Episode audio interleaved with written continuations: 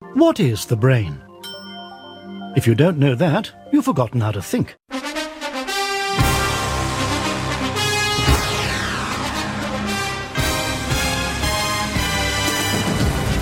Please ensure you have your copybook at hand, as you'll be asked to take down notes from the screen at various points throughout the program. Du hører på Uillustrert vitenskap.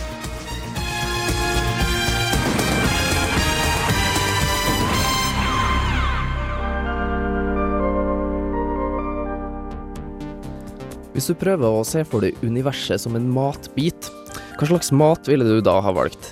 Eh, kanskje en burger à la dobbel whopper? Eller en sausete pastarett verdig The Flying Spaghetti Monster, kanskje? Nye teorier om universet og dets eventuelle spiselighet, det er noe av det du kan få med deg i den neste timen med vitenskap her på Radio Revolt. Men før vi når eh, så langt, så skal vi drømme oss eh, av gårde over dammen. Helt til Midtvesten med Kveg og Boots og Hank Williams III. Røyk og vin heter denne låta fra Nashvilles store sønn på radio Revolt FM 97,9.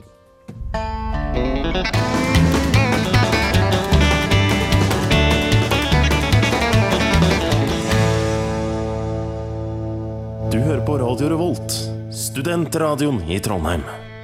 A little bit of smoke and a whole lot of wine. Eh, Det er Radio Rolt, FM 97,9. Du hører på Uillustrert vitenskap. Mitt navn er Erlend Grutli Tveten, og jeg har med meg vakre Susanne Sandell i dag, blant annet.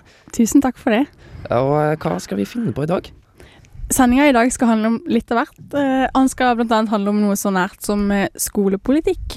For nå er det jo valg neste mandag, og vi skal se litt grann på eh, skolepolitikk og hvordan den støttes av forskning. da.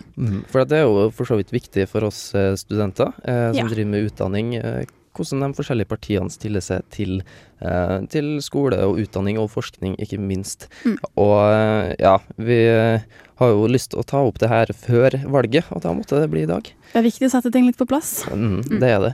I tillegg så har vi en gledelig eh, overraskelse i dag, og det er at vi har med oss en ny eh, gutt som skal snakke litt eh, for oss her i, i Uillustrert vitenskap utover hele semesteret. Eh, velkommen, Ole Eivind. Jo, takk, takk. Eh, ja. eh, Han er jo på en måte en mann, da. ja. Du er over 18, er du ikke det, Ole? Jo, jeg er strengt tatt en mann. Mm. Vi snakka litt om eh, her i stad hvordan svineinfluensaen har tatt knekken på Radio Revolts personale. Men det stopper ikke oss her i Illustrert vitenskap. Vi lager radio likevel. Eh, Men OK, vi har eh, forskning, utdanning. Vi har eh, litt universet og hvordan det ser ut sånn matmessig. Ja. Eh, Og vi har litt andre hjerneting også. Vi elsker hjernen. Men det skal vi få høre på etter at vi har hørt Yacht The Afterlife.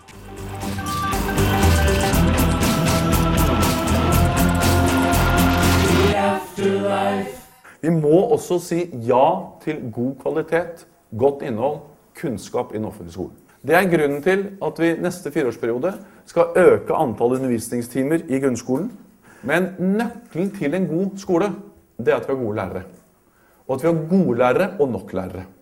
Og Derfor er en av de viktigste tingene vi skal gjøre på skole i neste fireårsperiode, det er å sørge for at vi får flere og bedre lærere. Radio Revolt. Vi hører altså statsministeren vår som uh, prata til AUF sin eh, sommerleir på Utøya tidligere i sommer. Eh, og han snakker jo om eh, hva Arbeiderpartiet og regjeringa skal gjøre med utdanning eh, og skolepolitikk. Og dette har vi hørt veldig mange ganger før. Eh, man skal gjerne ha flere lærere. eh, man skal ha mer skoletid. eh, og man skal ha bedre lærere. Og en av de tingene vi har tenkt å stille spørsmålstegn ved i dag, er om er alt dette her vitenskapelig begrunna? Er det folk som har på en måte testa ut om eh, det funker på denne måten her? Eh, en liten ting. Jeg eh, har hatt en forelesning i dag med en fantastisk foreleser. Eh, han, eh, han er utrolig eh, engasjert, og han klarer å på en måte komme med eh, sitt budskap på en, på en måte som Jeg sitter med øynene på en måte oppe og ørene åpne hele 45 minutter, og det er fantastisk. Det skal en del til, altså. Ja, det skal en det til. Eh, men det sier jo litt eh, kanskje om at den enkelte personen har mye å si for at Mm. eh, man skal lære. Og jeg har blant annet et annet fag med eh, ei anna som er foreleser, som ikke er så flink. Eh, hva, slags, eh, hva slags erfaringer har du, Susanne? Jeg hata matte, for eksempel, på ungdomsskolen. Hadde en elendig lærer, Leif Sverre, i Kristiansand. Han bare fortjener en liten negativ shout-out. Ja, For han var han ikke hører på. Han var en drittlærer. Jeg skjønte ikke hva et koordinatsystem var da jeg begynte på videregående. Og så plutselig i andre klasse på videregående så fikk jeg en fantastisk lærer. Som jeg ikke husker navnet på, faktisk. Så du husker bare navnet på han som ikke Ja. var god? Men, eh, men da plutselig forelska jeg meg i matte, og plutselig går jeg på Gløshaugen og sivilingeniør, liksom. Men det hadde jeg aldri trodd eh, før. Så eh, en lærer tror jeg har enormt mye å si for hva slags fag, altså hva slags retning man velger å gå, Mm. faktisk. Men uh, Ole Eivind, fra de rød-grønne så hører man jo ofte at man skal ha heldagsskole, man skal ha eh, lengre eh, undervisning og sånne ting. Har du noen erfaringer med det sånn personlig? Sånn rent personlig vet jeg ikke helt hvor mye jeg skal trekke ut fra det. Jeg har jo selv merket at man blir jo selvsagt litt sliten av lange skoledager, og da minsker kanskje konsentrasjonen osv. Um, men jeg liker heller å forholde meg til um, litt sånn vitenskapelige undersøkelser og hva litteraturen tyder på. Og um, der er det jo gjort uh, mange, eh, eller mange undersøkelser da, som um, ser på resultater og lengden av skoledagen. Mm. Og for, ja, eh, for at eh, politikerne ser jo ikke alltid etter eh, forskningsresultatene når de kommer med sine uttalelser. Eh, og dette her har du sett litt eh, mer på. Eh, hva er det forskninga egentlig sier? Skal man ha lengre skoledager? Skal man ha bedre lærere? Skal man ha flere lærere? La oss høre på det. Arbeiderpartiet, Senterpartiet, Kristelig Folkeparti og Sosialistisk Venstreparti er alle enige om at det er behov for høyere lærertetthet, men støttes dette av forskningen? I et av de største studiene på skole- og læringsresultater, Visible Learning, har John Hattie gjennomgått rundt 100 studier om klasseromsstørrelse. Ingen av disse støttet påstanden om at høyere lærertetthet vil gi bedre resultater. Arbeiderpartiet og SV vil også ha lengre skoledager, men dette støttes heller ikke av litteraturen. Det er ikke blitt dokumentert at resultatene forbedres om antall timer i uken overstiger 20. I stedet tyder alt på at kvaliteten på lærerne er avgjørende. Radio Revolt på FM 97,9. Vi har hørt eh, Jens Stoltenberg, som gjerne vil ha flere lærere. Han vil ha lengre skoledag, og han eh, vil ha eh, bedre lærere. Eh, hva er det som er riktig av det Jens Stoltenberg mener, Ole Eivind? Jo, det var jo helt riktig det han sa, at eh, kvaliteten på lærerne er, det viktigste. Um, det viser forskningen. Vi trenger bedre utdannede lærere, og ja, bedre lærere generelt. Mm. Men hva med lengre skoledager? Nei, det er det, som da ikke har så veldig mye fundament i forskningen. Men det er også så at eh, de som har høyest bruttonasjonalprodukt, eh, landene som har høyest bruttonasjonalprodukt, og der er jo Norge veldig høyt oppe da, per innbygger, eh, de har ofte en tendens til å ha veldig lange skoledager. Eh, men det hjelper ikke. Og hvorfor gjør det ikke det? Havner man på en måte på et nivå der man har en lære Man er metta med læring? Det virker så. Um, det er vel noe som, som 20 timer i uken som har vist seg at opp til da så gir det en økning i resultatene. Uh, 20 timer i uka, Men- det er jo egentlig ikke så veldig mye. nei, det, det høres veldig lite ut for meg, men uh, Her på universitetet så blir vi jo oppfordra til å jobbe ti timer i uka med hvert fag, og så har vi fire fag i, i, i, i semesteret, da. Det Så var det det- plutselig en del. Så det er jo dobbelt så mye som det man på en måte får for, Ja, som man sier eh, skal være en bra mengde arbeid. Samtidig har det blitt gjort forskning på at eh, man ikke klarer å følge med eh, på f.eks. en forelesning i mer enn 20, eh, 20 minutter i gjennomsnitt. Og eh, de fleste forelesninger varer jo en del lenger enn det. Så der er det jo også kanskje litt sånn motstridende med hvor, lang, hvor lange bør forelesninger være, hvor, hvor mye bør man jobbe i uka. nå er det vel også viktig å påpeke at uh, den forskningen vi snakket om her med skoledag og sånn, den er jo basert på mye sånn PISA-undersøkelser osv. Og hva er PISA Som- for noe? Det er en undersøkelse, stor internasjonal undersøkelse som eh, går på eh, ja, resultatene i leseforståelse og matematikk osv. Uh, men dette er da grunnskole og det nivået. Uh, og Mm. det kan jo tenkes at eh, studenter på uh, høyere undervisning har litt andre krav. Um, Men eh, det er vanskelig å si uten noe god forskning. Da. Men Norge kommer jo ikke så veldig godt ut på disse undersøkelsene eh, når det gjelder bl.a. Eh, lesing og regning. Eh, hva, er det noen som har noen teorier på hvorfor? Hvorfor får vi det ikke til her i Norge så bra som andre land? Nei, det er jeg veldig usikker på. Um, Jeg har en teori. Det, ja. Ja.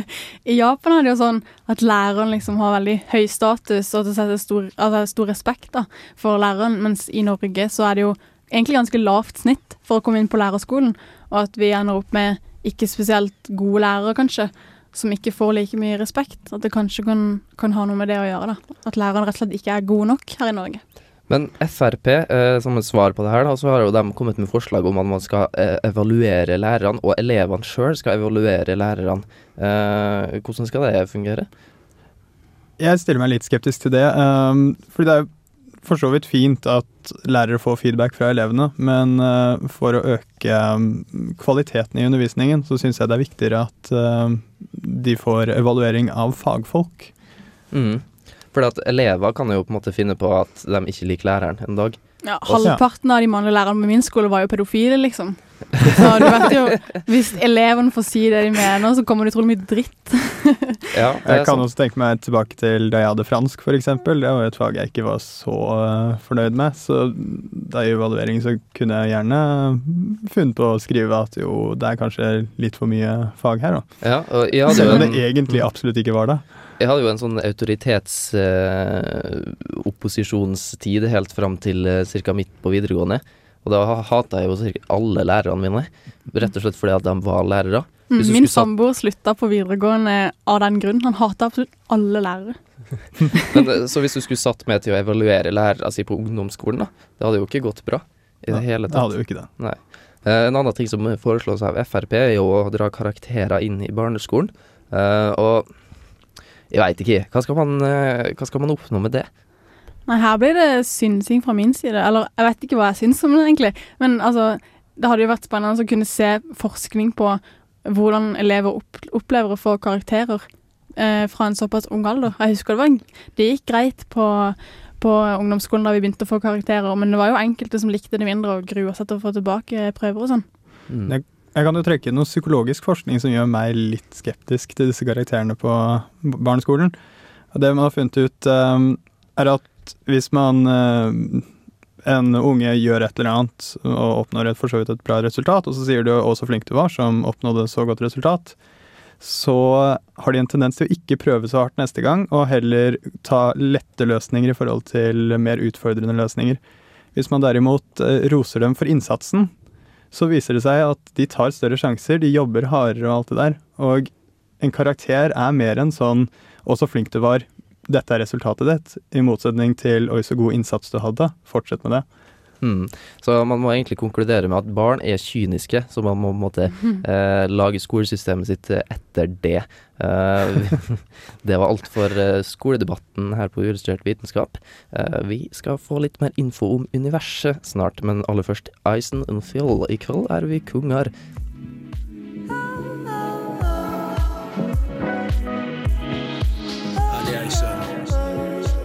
Lytt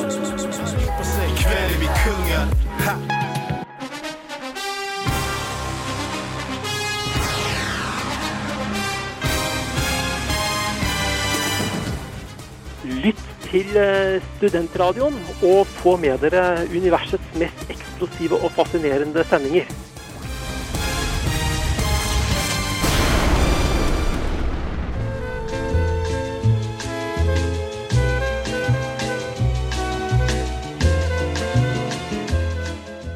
Hva kom før Big Bang?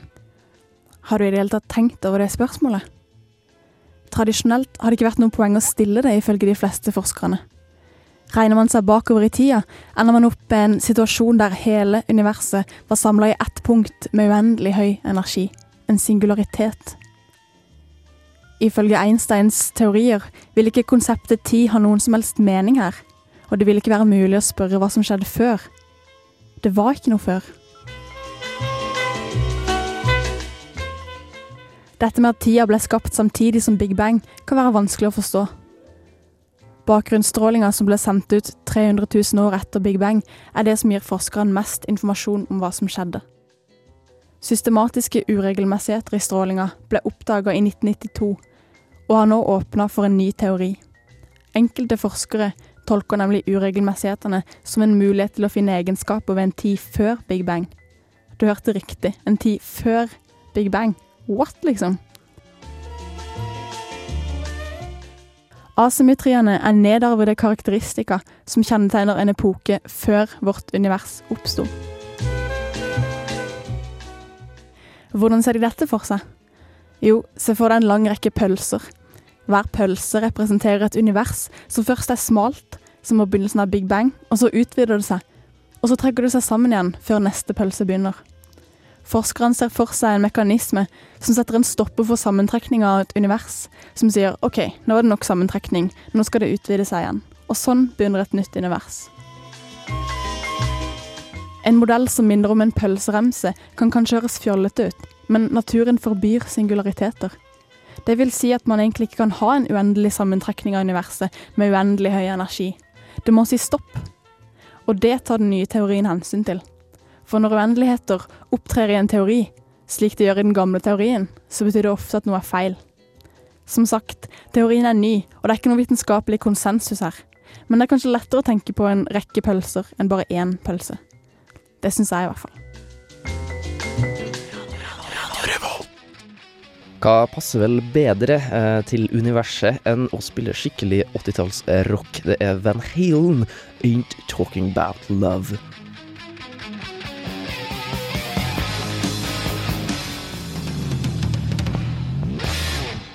Van Halen eh, fulgte etter en liten introduksjon til en ny teori om universet, og dette er jo noe av det vi er aller mest glad i i uillustrert vitenskap. Eh, hvis man går høyt opp eh, over jorda og, eh, og ser på særfysikk og litt sånne ting. Det er eh, mitt felt, i hvert fall. Eh, men eh, Susanne, Ja. hvorfor akkurat pølser? Nei, altså Det er jo fordi at eh, de ser for seg at eh, Big Bang, slik vi tidligere har kjent den, ikke kan ha vært mulig. Altså uten at eh, Ja, hvordan skal man si dette, da? At det, det går ikke an at, at Big Bang var, hadde uendelig stor energi, og at universet var uendelig sammentrykt. da. Nei, altså, så det går ikke an med uendeligheter, egentlig. I tilfelle så må vi vel konstatere at det er enkelte deler av universet hvor fysikken vår ikke fungerer, Mm. og det vil vi jo helst ikke. Så derfor så går man da fra én pølse til flere pølser. Ja. Ja. At det blir jo eh, altså skiftevis da, at eh, universet utvider seg og trekker seg sammen helt til universet på en måte går under og du får en ny Big Bang som starter et nytt univers. Eh, og grunnen til at de kan trekke Eller de har ikke trukket en konklusjon, da, det er jo mer en, en teori på, på begynnelsesstadiet. Men i 1992 så fant de jo ut at eh, bakgrunnsstrålinga som vi observerer, har enkelte sånne uregelmessigheter som er måte periodiske, da. Og at de mener at, at de uregelmessighetene kan tyde på, eh, på altså at det har vært et tidligere univers, og at egenskapene fra det universet har vært med på å forme vårt univers, og at enkelte egenskaper kanskje henger igjen. Mm, for at uh, hvis man ser bare på denne bakgrunnsstrålingen, så ville man kanskje ha uh, sett for seg at den skulle vært litt uh, homogen, da, eller den skulle være lik overalt. Ja. Men det er den ikke. Den, det er et slags fingeravtrykk, som man kaller det, Ja. av Big Bang. Eh, og dette fingeravtrykket det må komme fra et eller annet sted. Mm, og de mener at de kan se igjen da, fingeravtrykk fra, fra tidligere univers i vår bakgrunnsstråling. Men dette er såpass nytt at de må se på enda finere nyanser i de, eh, i de avvikene i bakgrunnsstrålinga før de på en måte kan trekke noen videre konklusjoner. da. Mm. Så de skal sende opp en, eh, en sånn Planck-satellitt, som skal sendes opp faktisk i løpet av 2009. Etter planen, i hvert fall. Og den kan eh, observere enda finere nyanser. Så det blir veldig spennende å se hva de finner ut, da.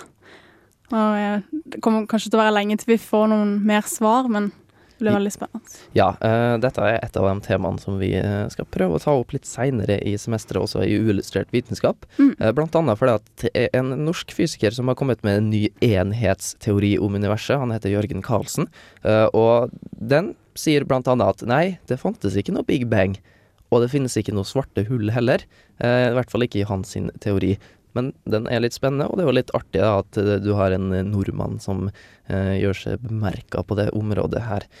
Men spørs om den har veldig mye å stille opp med mot strengteori og sånne andre ting. Mm, for denne pølseteorien her da, kan, eh, kan kanskje få en forklaring i strengteorien. At, at det ikke nødvendigvis er noen sånne inkompatibiliteter mellom pølseteori og strengteori. At de kanskje har noe med hverandre å gjøre. Uh, Ole Eivind, har du sett Battlestar Galactica? Det har jeg. Hva syns du? Ja, det er en fabelaktig serie. Den er helt fantastisk. Uh, og- Nerder dere to, altså. og eh, den uh, befinner, da befinner de seg langt ute i uh, universet, ute i galaksen vår.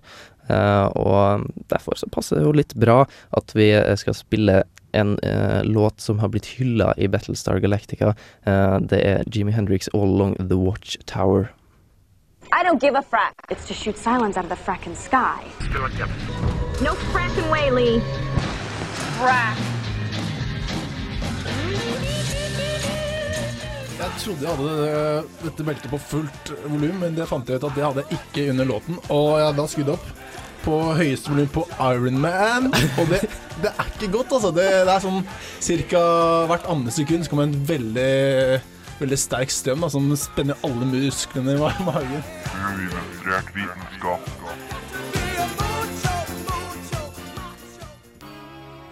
Vi har en eh, premiere på gang her eh, på Radio Revolt FM 97,9. Det er Kjartan og Erlend, altså min navnebror, som eh, spiller Pust. Skritt inn i den virkelige verden. Det er sikkert ikke rett, men jeg puster og trekker inn sånn helt til jeg letter. Kjartan og Erlend, her er vi på det lokale planet, altså det lokale hiphop-planet. Det var du som hadde lyst på hiphop, eh, Susanne. Eh, ja. eh, jeg var, jeg var ikke forberedt på dette her, at det kom til å spille sånn hiphop, men helt fint.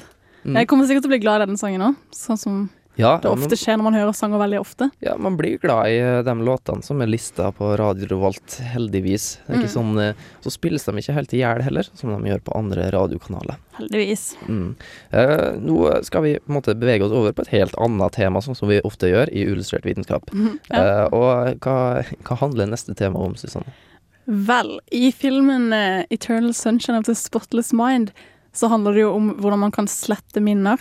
Og eh, ja, det er på en måte bare litt sånn populærvitenskapelig vinkling på noe litt tørrere forskning som er gjort på Harvard, da. Der de har forska på mus og hvordan traumatiske hendelser lagres i hjernen sin, og hvordan disse eventuelt kan fjernes litt. For det kan de faktisk. Ja, så du på en måte Man kan bare gå inn og, og klikke vekk minnene sine? Er det mulig? Eh, så enkelt er det altså ikke, som regel. Som regel så er det jo ikke så enkelt. Det er det heller ikke her. Men eh, det handler litt om eh, en region av hjernen som eh, på en måte blir som hardner, og at det er enkelte minner som er i den regionen som blir lagra for alltid. Men hvis man gjør noen sånne inngrep først, før eventuelle sånne minner blir lagra, så kan det skje ting. Og da kan man kanskje ta de litt bort etterpå. Da La oss høre litt om de inngrepa.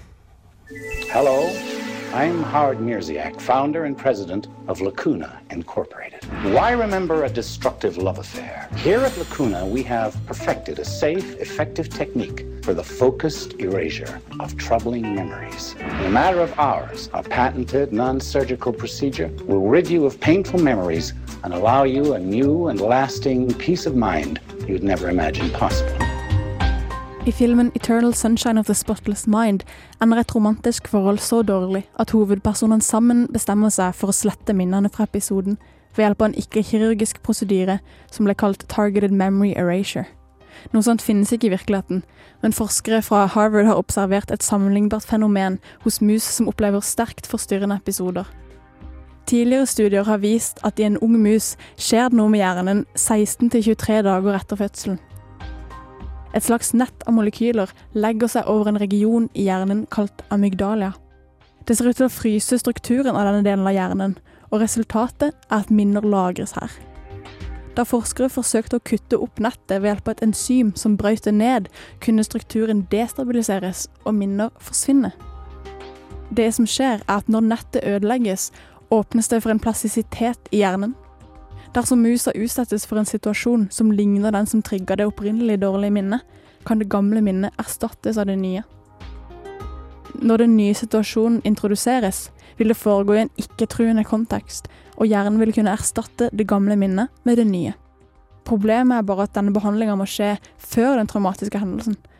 Det harde nettet som legger seg over amygdalia, må løses opp før hendelsen skjer. Likevel vil denne forskninga åpne for at man kan lære mer om mekanismen til hvordan dårlige minner dannes i hjernen. 20% av soldatene som har vært i Afghanistan, viser i dag tegn til posttraumatisk stressyndrom.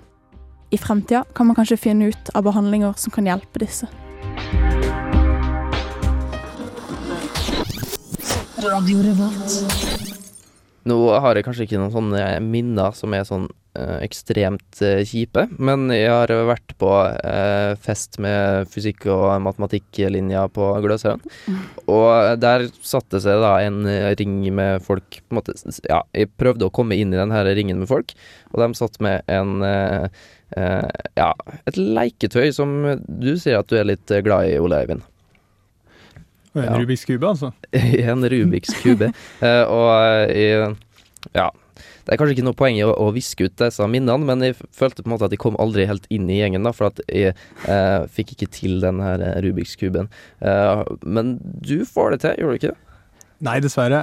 Jeg har, Du gjør ikke det? Nei, jeg har noen venner som er veldig aktive med det. Og eh, jeg satt jo i gang og, for å lære meg det. Og jeg fikk noen instrukser, og da, da jeg leste gjennom instruksene, så klarte jeg å løse den. Um, men jeg begynte å memorisere disse algoritmene som man måtte lære seg for å løse den. Og uh, til slutt så ble det litt mye å jobbe med. Altså, jeg gadd ikke sitte og jobbe med det så mye, så jeg Mm. kan dessverre ikke det nå. For at man kan på en måte ikke bare sitte og Eller sitte og tenke seg til hvordan man skal gjøre det her. Eller er det, går det an å gjøre det? Det er jo noen som gjør det, men eh, det vil jeg si er for de spesielt interesserte. Andre vil vel argumentere for at å lære seg algoritmer er for de spesielt interesserte. Ja, kanskje. Det høres enda hakket nerdete ut for, nerdete ut for min del. Algoritme høres jo vanskelig ut, da. Det høres liksom nerdete Ja. ut, bare ordet. Så, ja. Jeg tror nok eh, hvis man kaller det en metode isteden, eller enkle grep eller et eller annet sånt. noe. Snarvei, så kan man si. Ja, en snarvei. Ja. Da Mm. høres det litt mindre nerdete ut. Men Uka har jo funnet ut at de skal, ja, eh, skal feire akkurat det her fenomenet her, har de ikke det? Jo, eh, på uka skal det vel være en, eh, en turnering i Rubiks kube. Og Ole du kjenner kanskje til Du hadde noen venner som var med? Det er ikke utenkelig at jeg har noen venner som blir med der, nei. Nei. Jeg, jeg kan jo vurdere å melde meg på selv. En Rubiks kube har nettopp blitt innkjøpt av samboeren min, og han har liksom sittet med begravd, hvis det går an å si det, i Rubiks kube de siste uka. Han kommer av og til hjem og viser stolt Rubiks kuben og sier det var noen som er feil, og så prøver han å rette på det, og da fucker han opp hele kuben. Utrolig stor kilde til frustrasjon, egentlig. Nå forteller han at det er bare å gå inn på internett og finne algoritmen. Da, Men han, han har ikke lyst til å bruke algoritmen, han må finne ut av det sjøl. skal være smart nok. Ja. Mm. Uh, vi skal i Illustrert vitenskap ta opp uh, en tradisjon som vi uh, hadde i, ja, i fjor, eh, og også noen flere år tilbake. Eh, det er en fast spalte som vi kalte Fun Facts-spalten. Eh, la oss høre på den. Uillustrert vitenskaps fun fact-skole. Vær midtpunktet på neste vorspiel. En hvilken som helst Rubiks kube kan løses på 26 trekk eller mindre. Ja, det er Torstein Hyl! Du hører på Radio Revolt! FM 97,9! Eh, Susanne, kan ikke du fortelle meg hvordan finner man ut at man bare kan trenge å bruke 26 trekk på en hvilken som helst Rubiks kube? Jo, de, eh, de eh, har fått en veldig kraftig datamaskin i USA et sted, eh, sannsynligvis Caltech eller noe lignende, til å, til å løse forskjellige kombinasjoner av Rubiks kube. Og på de aller, aller fleste av kombinasjonene så brukte han 26 trekk eller mindre. Nå noen få litt vanskeligere kombinasjoner brukte 29 trekk, da. Så du kan egentlig ikke si at du bare bruker 26 trekk? Jo, for det forskeren har, eh, har satt opp en liten sånn hypotese. da, At de tror at med en enda bedre datamaskin vil de klare å presse tallet for trekk ned til eh, tidlig på 20-tallet. Mm. Faktisk. Det er oss eh, gale vitenskapsmenn som vil ta over verden med superdatamaskinen vår. Vi tenker jo de banene vi også. Jo mer prosessorkraft, jo bedre. Ja, og hvis du vil, eh, Bare et tips til dere som har lyst til å, til å løse Rubiks kube dritfort. Kan kjøpe dere glidemiddel til Rubiks kube. Det lages spesialglidemiddel til Rubiks kube, som de aller største nerdene har. Jeg vet ikke om du får brukt fascinerer den glidemiddelet til noe annet. Jeg tror, Eh, hvis du er skikkelig nær, så tror jeg ikke du gjør det. Eller jo, Ja. Vi trenger ikke å snakke mer om det. Vi nærmer oss slutten her på Uillustrert vitenskap, eh, og jeg må si takk til deg, Susanne Sandel, og eh, Ole Eivind Sigerud for Og første sending. Erlend Tveten. Tusen takk. Teknikeren heter Trond Storønning. Han har vært eminent Mount Airy between two mysteries.